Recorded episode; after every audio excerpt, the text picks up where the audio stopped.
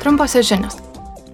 Šią savaitę Piliečių laisvių teisingumo ir vidaus reikalų komiteto nariai pritarė naujam teisės aktui, kuriuo siekiama paspartinti nusikalstamų būdų įgyto turto išaldymo ir konfiskavimo procesą.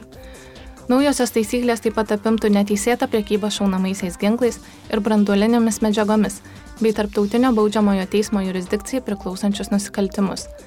Parlamento nariai taip pat nori užtikrinti, kad prieš konfiskuojant tokį turtą aukoms būtų atlyginta žala ir leisti bet kokį konfiskuotą turtą panaudoti socialinius ar viešuosius interesus tenkinančiai veiklai finansuoti.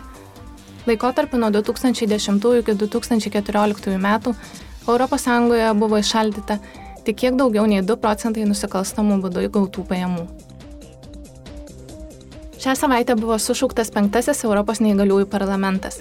Į vienos dienos renginį susirinko per 600 neįgaliųjų teisų gynėjų, politikos formuotojų ir kitų suinteresuotųjų subjektų.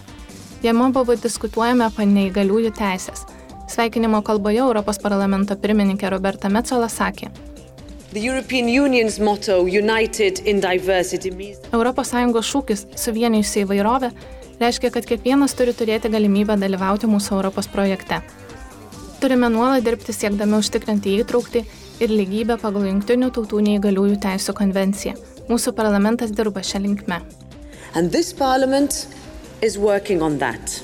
2016 metais ES buvo pradėtas vykdyti bandomasis Europos neįgaliojo kortelės projektas, kuriame savanoriškai dalyvauja aštuonios ES šalys. Pasiūlymą dėl teisės akto dėl ES neįgaliojo kortelės komisija turėtų pateikti dar iki šių metų pabaigos.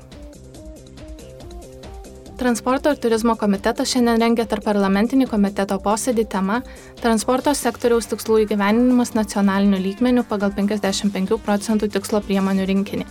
Šiame posėdėje su nacionaliniu parlamentų nariais bus apsikeista nuomonėmis apie realią valstybių narių patirtį siekiančiame rinkinyje transporto sektoriui numatytų tikslų.